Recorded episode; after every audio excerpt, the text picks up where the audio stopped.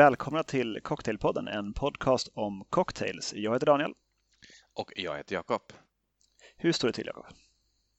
Ja, men tackar som frågar. Det är ju en, en eh, klassisk fråga, kanske den allra vanligaste liksom, inledningsfrågan eh, som vi har i den här eh, podden. Eh, det är bra med mig. Eh, hur står det till själv? Jo, tack, det är bra. Eh, livet lunkar på i eh, som, som om världen inte hade stannat upp och blivit helt värdelös av corona. Eh, och jag tvingas arbeta hemifrån i någon påtvingad exil eh, och lappsjuka. Eh, utöver det så det är fantastiskt. Nej, det är jättebra. jag hör det. Verkligen. Lugna ner dig liksom. Var inte övertaggad. Exakt. Nej, så att, eh, jag, jag fick ju kämpa lite grann för att få till just det här avsnittet. Du har varit lite motvalls kan man säga eh, i två ja. års tid nu. Det här var ett av de första avsnitt jag pitchade. Um, och har pitchat nästan varenda gång som vi har pratat om vad vi ska prata om härnäst. Mm. Eh, men nu till slut så. Och eh, det här är, det, det är egentligen min enda infallsvinkel i det här avsnittet och som då är om mjölk är någon slags nostalgitripp till sent 90-tal i Norrtälje. Det är där jag tar avstamp.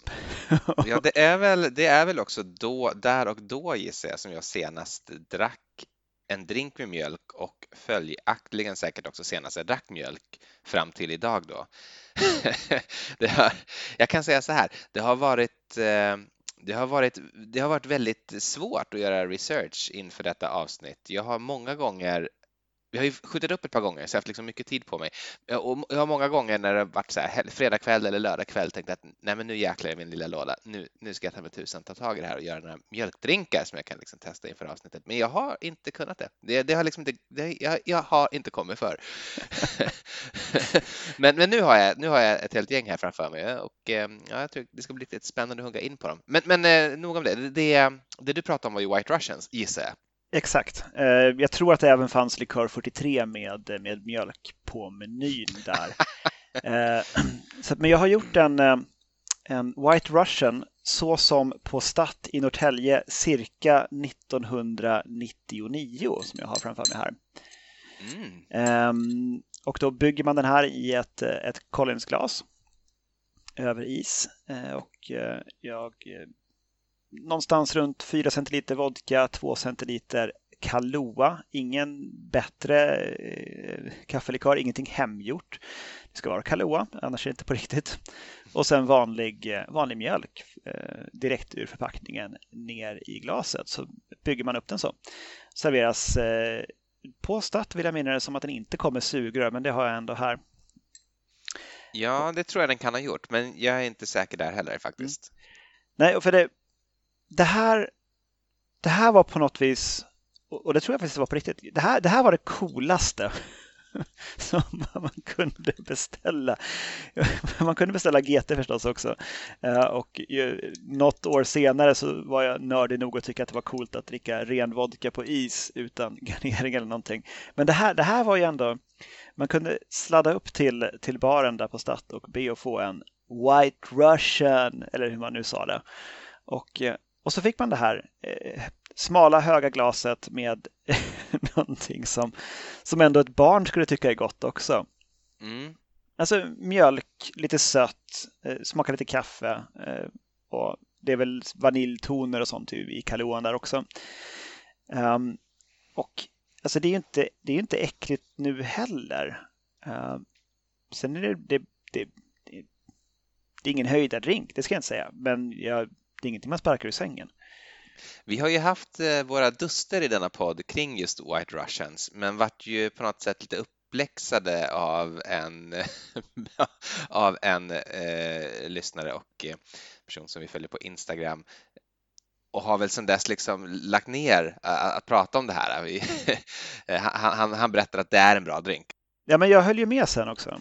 När jag, väl, när jag gjorde White Russian, inte på det sätt som man gjorde på Start 99, utan eh, med, eh, med ovispad grädde istället för mjölk. Ehm, då, då blir det en helt annan drink, mycket kortare drink och mera, mera, mera munkänsla än vad, vad mjölk ger.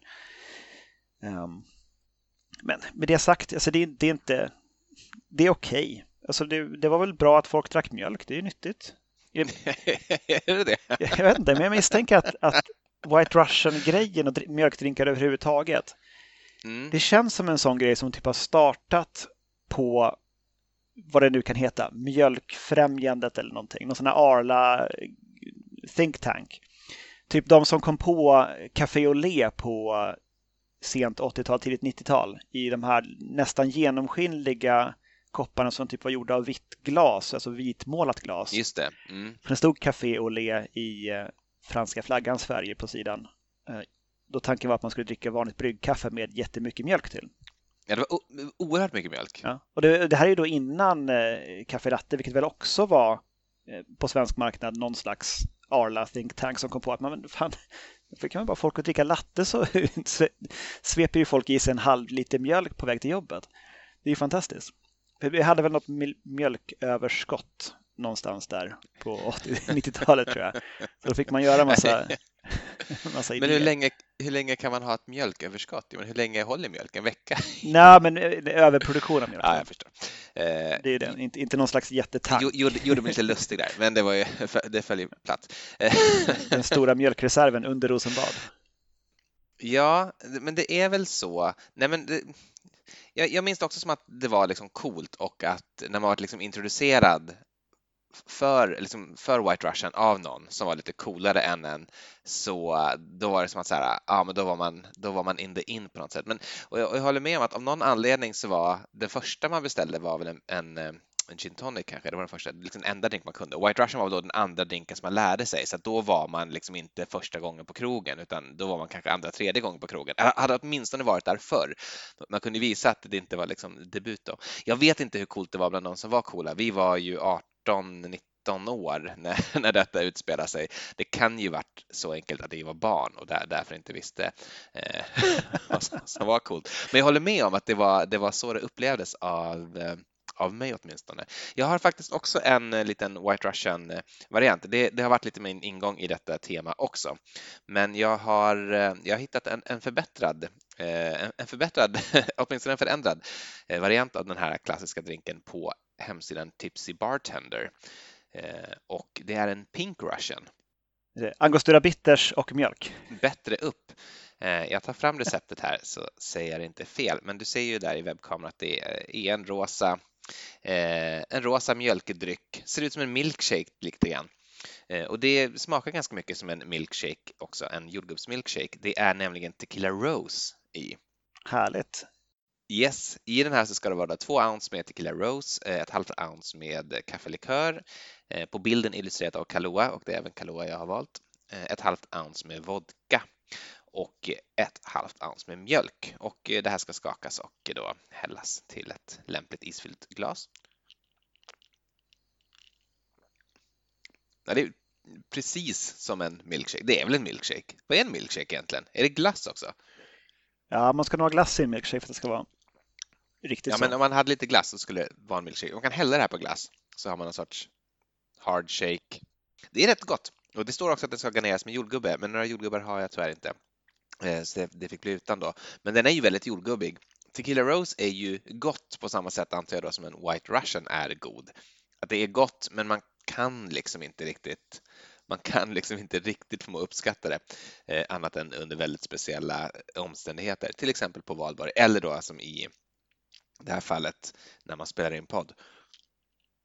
Ja, nej precis. Alltså det, jag har ju inte druckit många White Russians på det här sättet sen, sen, sen Norrtälje liksom. Det fanns, eh, det fanns i Uppsala var det ett tag, typ kanske i slutet på 00-talet, en liten sån här eh, revival för White Russians på valborg just. Eh, och jag vet inte, du minns den här drinken Fruit Loop som ju också är en mjölkdrink som skulle smaka som typ mjölk och flingor ungefär. Vi gjorde den under två dåliga drinkar, jag tror det absolut första avsnittet av det. Eh, och jag minns inte exakt, men det är typ eh, blå curacao-mjölk. Jag undrar om det bara är det faktiskt. Möjligtvis lite vodka eller någon annan liksom för att upp, uppa den lite grann.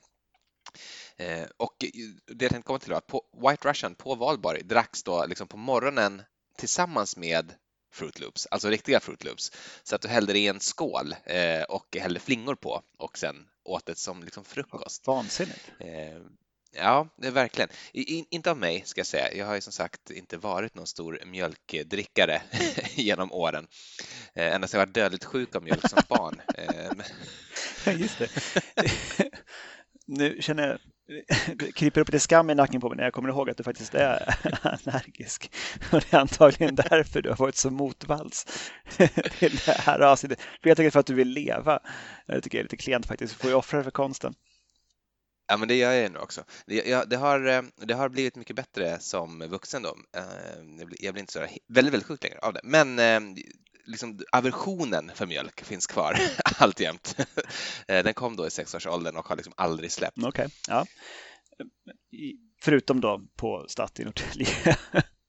Ja, just det. Nej, fast, nej, inte jag då. Jag minns att det var coolt, och, eh, men jag, kunde, jag, jag, jag förmådde mig faktiskt inte att kunna dricka upp dem. Jag var bjuden sådär en eller två gånger, men kunde inte, kunde inte slutföra då uppdraget som jag fick, nämligen att sänka okay. drinken. Jag, jag har hittat eh. förresten ett sätt som man kan återuppleva eh, Statt eh, någonstans där. Nämligen så att skivan Play med Moby kom ut i maj 99. Och om man då tillreder sig en, en Kahlua, vodka och mjölk i ett Collinsglas med eh, ganska mycket dålig is och slår på den skivan på, på sin, sin Spotify eller liknande. Då är man nästan där. Det ska helst vara att någon står typ och röker och knuffar på en också. Alldeles intill, för det här var innan rökförbudet. Det var som tusan är, det har jag nästan glömt att det har funnits en tid innan rökförbudet. ja, det, är, det är otroligt. Det, det, märker man väl man är utomlands i länder där man fortfarande röker, att jösses vad, vad mycket sämre det var när alla rökte i hela lokalen. Ja, Ja, verkligen. Men att man aldrig blev bränd? Jo, men det blev man ju. Kläder blev ju brända. Jo, men man fick väl typ små brännsår på, på armar och typ kläder fick eh, små brännhål och sådär. Jag kommer ihåg att man luktade rök när man kom hem. Att det, det första man gjorde var ju att liksom hänga ut kläderna på balkongen. Eh, det minns jag. Men, men, men, inte att man hade liksom som brännmärken överallt. Men det kanske, man, det, det kanske var så. Eh, jag, jag, har bara inget minne av det. Mm. Ska jag fortsätta direkt på någonting i lite samma stil som också är lite av en klassiker? Det tycker jag du ska göra. Bra. Eh, och det är, det är en Grasshopper som ju är eh, en, en verkligt känd drink som jag också har en lite av en Uppsala-koppling för mig, för den fanns att beställa på Vedala Nations sommarmeny. Eh, då kunde man sitta uppe på deras tak och äta billig mat och dricka drinkar till maten och en av de drinkar som man fick då, eller som man kunde beställa i baren var just en Grasshopper. Eh, vilken är märklig dryck liksom att äta och ha till maten kan man tycka. Men å andra sidan, alltså mjölk till mat, det är ju något. Det är ju något sjukt i det här landet att vi faktiskt dricker ett annat djurs mjölk. Som, som vuxna till som måltidsdryck, ja. Jo, det är väl vi och holländarna som gör sånt. Ja, det är väl det. Eh, eventuellt också några av våra nordiska grannar. Men det är ju liksom inte friskt. Det, är ju, det finns ju ett skäl till att i princip hela jorden har, har eh, valt bort det. Men, men, eh, jag jag tänkte på det förresten när jag satt och eh, skrev mina noter till detta avsnitt, att är det inte i Utvandrarna när, när de kliver av Atlantseglingen där, Atlantbåten, då har de ju varit till sjöss i nära tre månader. och Det första de gör då på sina skakiga ben är att gå och köpa en kanna mjölk som de festar loss på i hamnen. Eh, det här ja. Eh, familjen som jag följer. Det säger någonting tycker jag om det svenska kynnet. Eh, hur som helst, en grasshopper. Jag, jag, har, jag har tweakat det här receptet lite grann och jag kallar den för grasshopper inom parentes cocktailpodden recipe. Eh, och i det här så ska det vara då ett halvt ounce med grädde, ett halvt ounce med mjölk, ett halvt ounce med crème de menthe, ett halvt ounce med fernet och ett fullt ounce med crème de cacao. Eh, skakas och silas till glas. I det här fallet ett Niconor-glas. Tjusigt. Och eh, det här är det, det, det här gillar jag ändå. Det här är riktigt bra. Kanske för att det är grädde, men också för att alltså Fernet är ju väldigt mintigt. Men det är inte alls så bittert som man skulle kunna tänka sig. Jag tror att det är eh, mjölken och grädden som liksom skalar bort bitterheten. Man har bara liksom den här liksom kryddigheten nästan kvar från fernetten. Eh, jag är väldigt, väldigt nöjd med denna lilla tweakning som jag tycker förtjänar nu ett, eh, ett stort renommé. Eh, Kanske på Vedala Nations sommarmeny jag, ska dit och, jag ska dit och beställa den och make it cocktailpodden. ja, härligt. Um, men det du nämnde där med Utvandrarna och mjölkkannan, det, det, det, är ju inte en superdum idé att om man är i en större stad på den tiden att dricka antingen någon, någon jäst dryck, vilket man kanske inte vet till barnen, eller just dricka mjölk som man ju kan med näsan känna ganska lätt om den har blivit dålig medan vatten mm. kan vara svårare. Eh, I en, I en stad som, det är väl New York tror jag som de kommer i land. Och eh, då är vattnet lite suspekt. Och då är mjölk kanske ett mycket säkrare alternativ. Och eh, mjölkdrinkar har ju en, en, en väldigt lång historia också. Det går att hitta recept ända tillbaka till 1600-talets eh, England som har blandat eh, sprit, socker och mjölk i olika proportioner. Och eh, senare då när man kunde få, få is så kunde man också ha is i dessa drycker. Och eh, har varit väldigt populärt också i USA eh, där tidskriften The Brooklyn Eagle 1897 skrev följande eh, vackra ord. The surest thing in the world to get drunk on is the milk punch. And so fearfully drunk that you won't know whether you're a cow, yourself or some other foolish thing. Så att jättefull på, på White Russians från Stat 99. Där har jag ändå varit i mitt liv, så att jag, jag, jag, jag förstår ju. Men... Historiens vingslag, liksom. man, man knyter samman Norrtälje och, och Brooklyn. Exakt. Jag har en, eh, en drink som spelar lite grann an på det också, eh, nämligen en Bourbon Milk Punch som eh, innehåller 1,5 ounce bourbon, ett fjärdedels ounce 2-1 sockersirap, 4 ounce mjölk och ett sjättedels ounce vaniljextrakt som är flytande. Det här är skakat med is och silat till ett isfyllt glas och så har jag rivit muskot över. Och eh, just Bourbon Milk Punch var, var poppis eh, ordentligt under första halvan av 1900-talet. Och eh, ska tydligen fortfarande vara skapligt populärt i New Orleans. Kanske någon som har varit där kan bekräfta så småningom. Men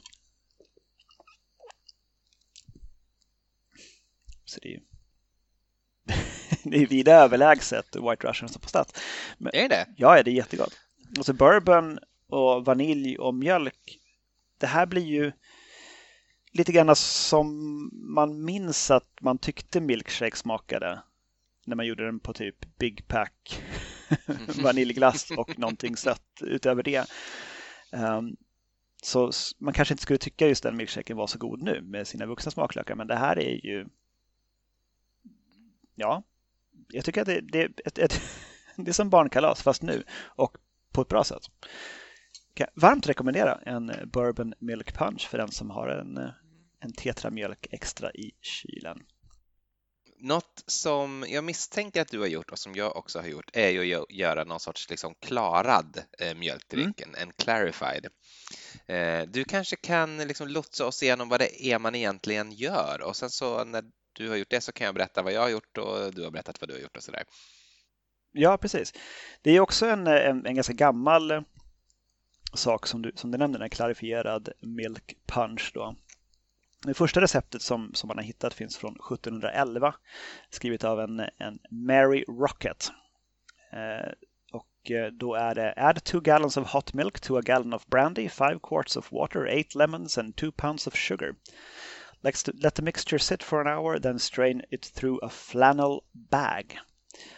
Och det som det här gör då är att man, man tar het mjölk i vissa recept, eh, inte upphettad mjölk, men det är lättare att få den att, eh, att göra det man vill att mjölken ska göra om den är het, eh, det vill säga någonstans 77-78 grader Celsius. Det är nämligen att den ska, den ska separera sig till vassle och mjölk, ostmassa helt enkelt. Eh, för det den gör när mjölken separerar sig är att massa småsaker som finns löst i, i vätskan. Eh, tanniner bland annat och färgämnen och eh, bittra smakämnen eh, specifikt fastnar i, i ostmassan och slutar vara lösta i vätskan helt enkelt.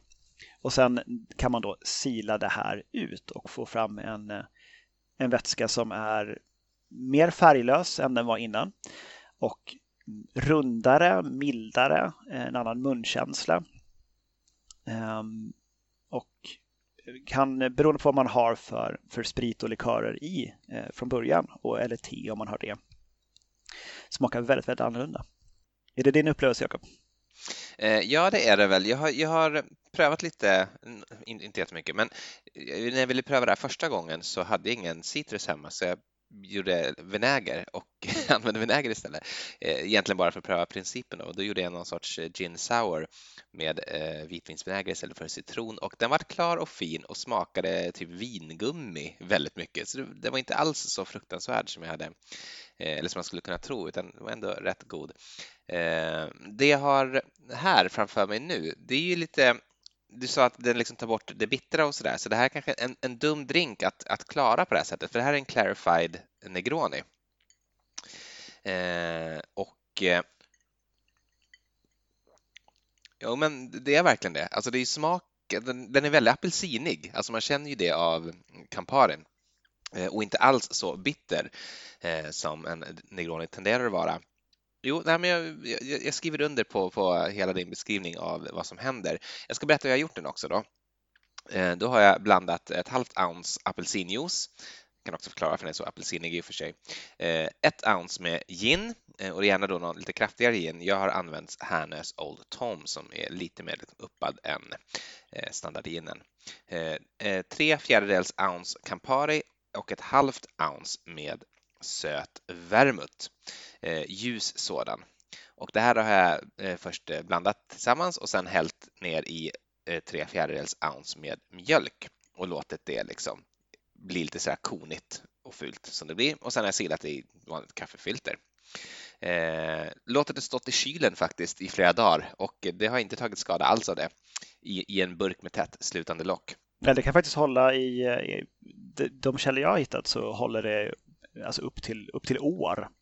Oj! Månader och år. Det är också anledningen till att man gjorde de här förr i tiden. Det är för, dels för att det är ett sätt att konservera mjölk men också att konservera citrus. Eh, för citrus blir dåligt med ganska snart och eh, du kan liksom inte förbereda en drink som håller så länge. Men det här kan du slänga på flaska och stoppa i vinkällaren och plocka upp ett år senare och det har inte hänt någonting med det. Det är otroligt. Eh, garnerat med ett apelsinzest i alla fall, hällt på ett liksom, old fashion glas med en isbit i. Eh, det är gott. Det smakar inte alls mjölk. Det har ju liksom ingen mjölksmak alls. Nej, och inte något ostigt heller eller något sånt, utan det är väldigt annorlunda från, från vad det doftade och smakade innan. Mm. Men gott ändå. Alltså, nej, jag, jag gillar det jättemycket. Det, det, det är lite mycket jobb att göra i stunden. Men det är verkligen, alltså jag skulle aldrig göra det här för att åh, fan, jag vill ha en drink och sen så klarar jag en drink utan eller klarifierar. Fem timmar senare. Ja, men, men man, man kan absolut tänka sig liksom någon, någon söndagsförmiddag eh, när, när, man vaknar tidigt och inte har något speciellt att göra. Alltså, var, varför inte göra en laddning, clarified, någonting? Ja, jag tror också att det är ganska lätt att göra i större mängder. I många recept så står det att man ska ju sila genom upprepade gånger genom ostmassan. Så man har ostmassan i, i en silduk och sen så silar man liksom genom samma ostmassa tar vätskan igen och igen, igenom igen. Men det jag märkte, det, det ger inte så bra resultat när man har gjort den i storleksordningen en till två drinkar. Då blir det inte så mycket ostmassa att sila igenom. Nej, och vad, vad, vad är skälet till att man ska göra det? Är det för att liksom få bort det absolut sista? Nej, det är tydligen så som att det, det fastnar helt enkelt i den här. den, blir, den blir som ett sitt eget liksom, aktiva kol, typ. Ja men typ. Men jag lyckades inte få det helt klart genom att sila igenom ostmassan så jag har ju kört kaffefilter också. Eh, så det kan man kanske lika gärna. Om man gör en liten sats kanske man bara ska göra det från början. Um, tänker jag. Men det är också ett bra sätt om man eh, någon gång finner sig ha alldeles för mycket pressad citron som ju blir dålig efter några dagar i kylskåpet. Den börjar bli bittrare och bäskare. eh, då kan man ju sätta igång och göra en clarified T-punch eller någonting. Eh, och eh, få bort alla tanniner och allt bittert och, och otäckt. Jag tänker mig att man skulle säkert kunna använda citronjuice på sån här liten gul plastflaska från ICA typ. Ja, just det. Det skulle inte göra Du gjorde ju en drink på vinäger och jag menar det, det blir ju inte smaken av den syra man la i från början när man tar ut det sen. Nej, men det påverkar ju ändå så att jag använder vinäger med förnuft vill jag säga till alla som lyssnar.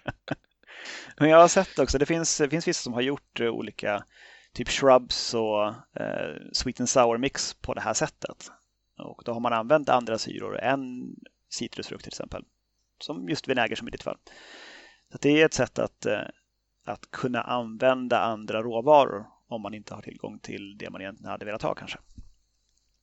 Hur som helst. Eh, smakar väldigt annorlunda från originalet. Eh, har jag ett tydligt exempel på här i och med att jag har gjort en, eh, ett last word som jag har klarifierat. Som jag kallar för a word to clarify. Och du ser, den är väldigt ljust, ljust grön. Det mesta av chartreusens gröna färg är borta och eh, limegrumligheten är borta. Så den är härligt klar. Och det är då eh, lika delar gin, grön chartreuse, maraschino-likör och limejuice och jag har tagit ungefär 2 centiliter vardera. Och sen har jag eh, blandat dem i en liten glasburk, hettat upp 2,5 deciliter mjölk och eh, upp till 77 grader då. Och sen hällt mjölken i burken och rört om och sen fick det stå över natten. Och sen sillade jag bort eh, den här ostmassan som blev kvar. Dock tog jag mig inte för att spara ostmassan. Jag kom på det sen att jag kanske hade kunnat gjort något. En chartreuseost eller någonting. Ja. Säkert kunna sälja på någon marknad. Exakt. Um, men den här smakar också lite sådär godisaktig på ett oväntat sätt. Ja, men du, du nämnde vingummin. Mm. Men säg gröna Bassets vinegum då? Gud vad spännande. Jag blir ändå lite pepp. Lite päron nästan. Det är... Och en fantastisk munkänsla. Ja, det blir ju lent på något mm. vis, runt. Jag gjorde ju till julavsnittet eh, i julas en eh, klarifierad eh, risgrynsgrötsmjölks tea punch eller någonting sånt där med rooibos te och mjölken från en tallrik med, med risgrynsgröt. Men den lyckades jag aldrig få helt klar, vilket jag tror kan bero på stärkelsen från riset som var svår att eh, få ut. Just det, det verkar ju, låter ju väldigt troligt. Mm, men det här vart ju väldigt klart. Supertjusigt. Snyggt! Ehm, jag, har, jag, jag, nämnde ju det att jag tänkte att, eh, eller att, jag, att jag har lagt märke till att Sverige har liksom ett osunt förhållande till mjölk, eller åtminstone ett ovanligt förhållande till mjölk jämfört med nästan alla andra. Och eh, jag hade det lite grann som ingång till hur jag skulle kunna hitta drinkar. Jag tänkte så här att eh, nog måste man kunna hitta roliga mjölkdrinkar i, i liksom mina svenska drinkböcker så att jag har suttit och bläddrat i dem. Eh, och då i, i, i synnerhet de här två, nämligen stora boken om drinkar och drycker samt eh, Tranans drinkbok eh, som är en, en jättehärlig eh, samling böcker eller samling drinkar från eh, det sena 90-talet och eh, klassiska eh, krogen Tranan här i Stockholm. Ehm, men hittade inte så jättemycket, framför allt inte i den här som jag trodde mest på, stora boken om drinkar och drycker. I den hittade jag mycket med grädde, väldigt, väldigt, väldigt mycket med grädde. Eh, bland annat, eh, jag har inte gjort någon av dem, jag, jag tänkte bara att jag ska nämna några som kan vara värda att pröva för den för den eh, äventyrlige. Eh, och då har vi till exempel drinken Bodybuilder, eh, a.k.a. Eh, dags för en knock. Och dags, sta, dags stavat här D-A-X. Förstås. eh, och, och, dags för en innehåller då lika delar konjak, maraschino-likör och grädde. Och det ska skakas och hällas i glas och därefter så ska man då sist av allt sila ner, eller inte sila ner, hälla ner en äggula. Det är väl det som gör en till en bodybuilder gissar jag. Eh, enligt den gamla stereotypen att eh, kroppsbyggare äter äggulor. Jag vet inte om det stämmer. Hela råa ägg brukar man göra på film. Ja, det kanske är hela. Ja, hur som helst, det är dags för en knock då. Eh, cowboy tror jag vi har pratat om någon gång tidigare. gav inte jag dig en cowboy eh, på dåliga drinkar? Jo, men så var det. Nummer något. Så var det. Eh, den är från den här boken då och den, den innehåller då två, eh, whisky och grädde i proportionerna 2 till 1. Jag har även hittat eh, en, en väldigt lik drink men med omvända proportioner, nämligen då 1 till 2, där man har mer, mer mjölk och det är en White Plush. Eh, den hittar jag på, på Absolut, eh, alltså Absolut Vodkas drinksida, absolutdrinks.com. Den har jag inte gjort, lät förfärlig. ja. Även Golden, Golden Dream tycker jag ja, det ska mycket till om, om den ska liksom leverera. Det är eh, Galliano Cointreau apelsinjuice och grädde. Eh, ja, ett tvek på den. Mm. Eh, kanske påminner om den här Fruit Loopen för övrigt. Då. Men eh, i, eh, jag, jag, har, jag har faktiskt hittat några i Tranans drinkbok och jag kan börja med den här rosa historien. Ser ganska läcker ut och du kanske inte ser i webbkameran vad det är jag garnerat med, men det är en oliv. Så här är det uppenbarligen någonting skumt i görningen. Ja. och eh, liksom, lyssna på det här. Last but not least. 3 centiliter bourbon, 3 centiliter tomatjuice, ett rejält stänk grädde, ett rejält stänk tabasco, salt och peppar, skaka, sila, garnera med oliv. Så det är alltså som en, en gräddig Bloody Mary? Japp. Yep. Som en, som en sån här pastasås som man häller grädde i på slutet? och ketchup? Eh, jag kan tänka mig att namnet Last but not least är så här typ, åh vi ska bara dricka en till. Eh, och så, så här typ, Kalle, fan du får beställa, beställ en Kalle till mig. Eh, och då har de liksom den. Vilken är sist men inte minst då? Jo, det blir den här. Eh, och, och, kanske för att man då inte skulle vilja ha någonting mer ikväll. Alternativt för att den är liksom sin egen kvällsmåltid. Jag vet faktiskt inte. Jag, jag ska pröva den nu i alla fall. Jag har inte smakat på den än. Den har en Alltså det är inte sådär, det den skulle kunna, med, kunna vara med i dåliga drinkar, absolut. Eh, det är inte som den här Smokers Cough eller Smokers Lungs eller vad den hette som du gjorde till mig senast med Jäger och majonnäs.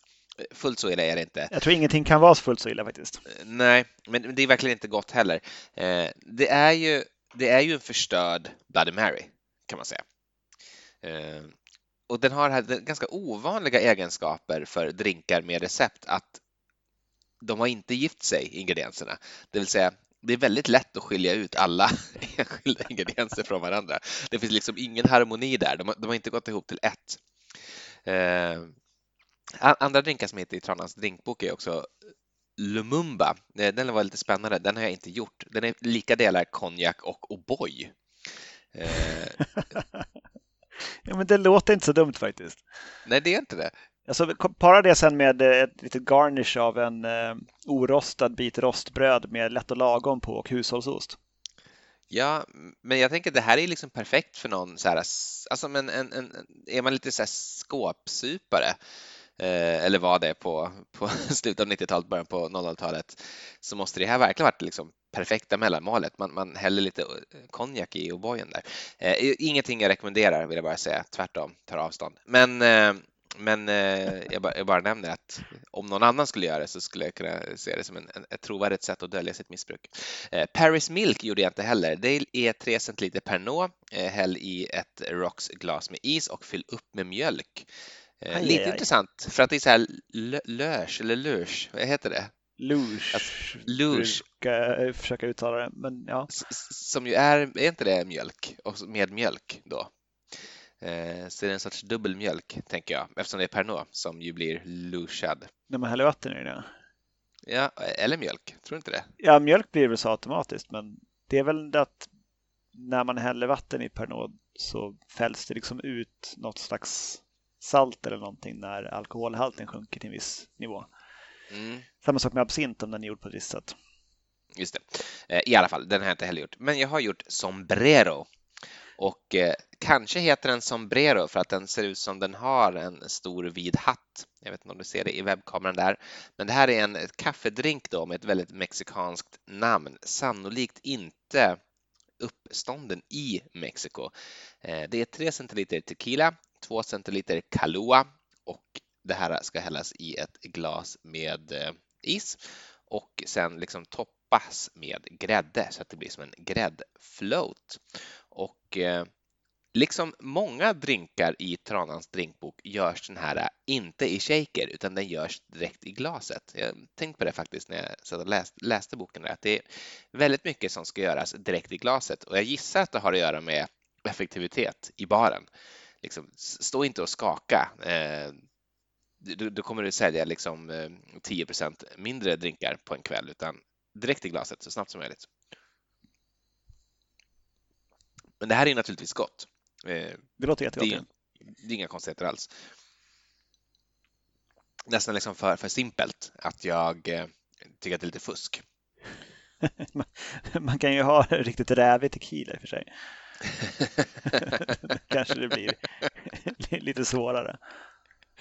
Eh, men det här gillar jag. Mm. Ja, men det förstår jag. Ehm, då ska vi se. Jag skulle kunna ta något. Nu har ju den här svalnat lite grann, men eh, det är lite grann av en, eh, den tar lite grann rygg på eh, Bourbon Milk Punch från tidigare i det här avsnittet som också är ungefär från samma tid, nämligen en Hot Milk Punch. Mm. Som är en matsked socker, 3 centiliter konjak, en och en halv centiliter lagrad rom och eh, en mängd het mjölk. Eh, jag har gjort en lite mindre storlek här, så ni ser en ganska liten kopp. Så bara bygger du det här i en kopp och rör tills sockret har löst upp sig och sen på med lite muskot på toppen. Och då är det ju det är en konjakig, rommig, sötad mjölk. Så det är ju det är nästan som, som någon slags omfamning. Ja. Det ja, jättegott. Um, är fortfarande gott nu när den har svalnat faktiskt. Inte, inte alls någon konstig, eh, konstig dryck. Jag tycker att det är ett bra sätt att, eh, att använda mjölk på. Eller vad säger du Jakob? Ja men absolut. Men är den så här ljummen och god då? För den är inte kall liksom än antar jag. Ja, nu är den ju lite så rumstempererad. Men fortfarande god. Mm, ja men det kan, jag, det kan jag verkligen föreställa mig. Eh, jag har en liten så här bonusdrink kvar. Jag, jag är klar liksom med mina som jag har tänkt mycket på, så svängde jag ihop en precis i slutet också. Yes. Men då kanske jag kan ta min andra klarifierade äventyr. Mm, gör så. Um, som är plockat från uh, en karl som heter Matt, Matt Pia, Piacentini på en bar som heter Up and Up som heter Disco Volanti. Och då säger du, men hallå där, Disco Volanti, det är ju skurken Largos båt i eh, filmen Åskbollen om James Bond. Det stämmer, det är nämligen det den är döpt efter. Disco Volanti betyder väl den snurrande skivan eller den snurrande disken. Eh, för övrigt, ja, hur som helst. 5 centiliter Aperol, 2 centiliter gin, 0,5 centiliter absint och sen 1,5 centiliter citronjuice. Det här hälls i en burk och blandas och sen så slår man på 24 centiliter, 2,5 deciliter då, mjölk eh, som man har hettat upp, också det till 77 grader. Och sen får det skära sig och enligt originalreceptet så ska man börja sila eh, ganska direkt. Det ska inte stå någon tid utan man börjar sila så snart det har skurit sig ordentligt. Eh, och då ska man då sila genom ostmassan upprepade gånger tills det blir helt klart och vackert och det är fullständigt omöjligt och gör en bara arg. Så att jag silade igenom tre, tre i varandra satta kaffefilter och det fick stå över natten. Sen var det klart och då var det så här klart. Och det var ju 5 centiliter Aperol i den här, men den är mm. inte en gnutta av den färgen är kvar. Det här är, ser ut som, alltså det är någon liten, liten färgton kvar i det men närmare beige än någonting annat. Eh, väldigt, väldigt svagt färgat. Nästan som vatten. Eh, också jag garnerat dem med en eh, bit apelsinzest. Matt föreslår eh, grapefruktzest, men jag hade ingen grapefrukt hemma.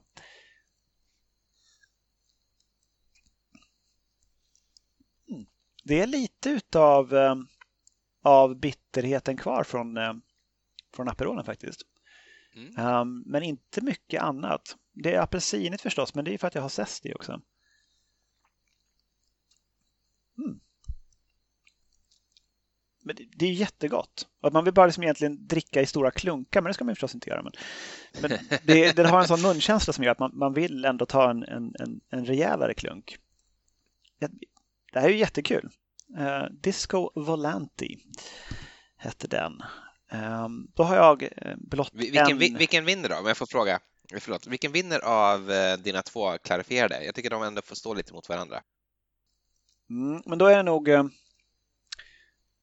Last Worden är ju intressant för att där vet man hur den egentligen ska smaka. Discovalant har jag inte smakat oklarifierad. Men bara baserat på smakpreferenser skulle jag säga att Discovalanten är godare.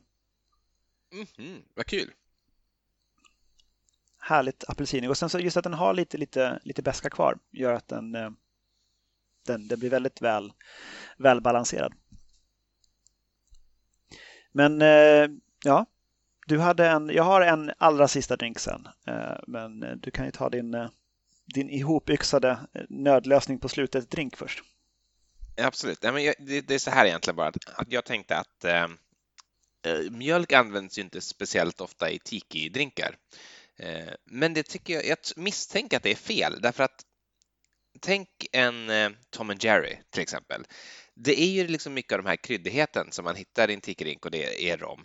Eh, och, jag tror att mjölk har liksom en, framtida i modern, en framtid i modern tiki och som ett liksom litet första bara test så har jag blandat eh, kryddpepparlikör, falernum och mjölk på is i ungefär då lika delar alltså kryddpepparlikör och falernum och sen så lika mycket till med mjölk så att det är hälften mjölk, hälften av de här två likörerna. Sen har jag rivit lite muskot på toppen på det och eh, det har något. Alltså det, här är, det här är början på, eh, om, om inte en revolution, så i alla fall början på en liten fotnot i historien. det är väl allt man kan hoppas för. Vad kul! kryddpepparlikör är ju väldigt gott också. I, i rätt mängder. Ja, det, det ska vara rätt mängder. Annars kan det bli ganska obehagligt. Bra, men den sista drinken som vi har då för aftonen är en eh, på sätt och vis antar jag en, en klassiker, en, en återställarklassiker faktiskt. Som vi inte hade med tror jag på återställaravsnittet. Nämligen en Hair of the Dog. Som eh, man gör på följande vis. Man tar tre teskedar flytande honung, två ounce skotsk whisky, ett halvt ounce grädde, ett och ett halvt ounce mjölk. Och då löser man upp honungen i whiskyn och sen skakar man alltihopa med is, sida till ett kylt glas och garnerar med riven muskot.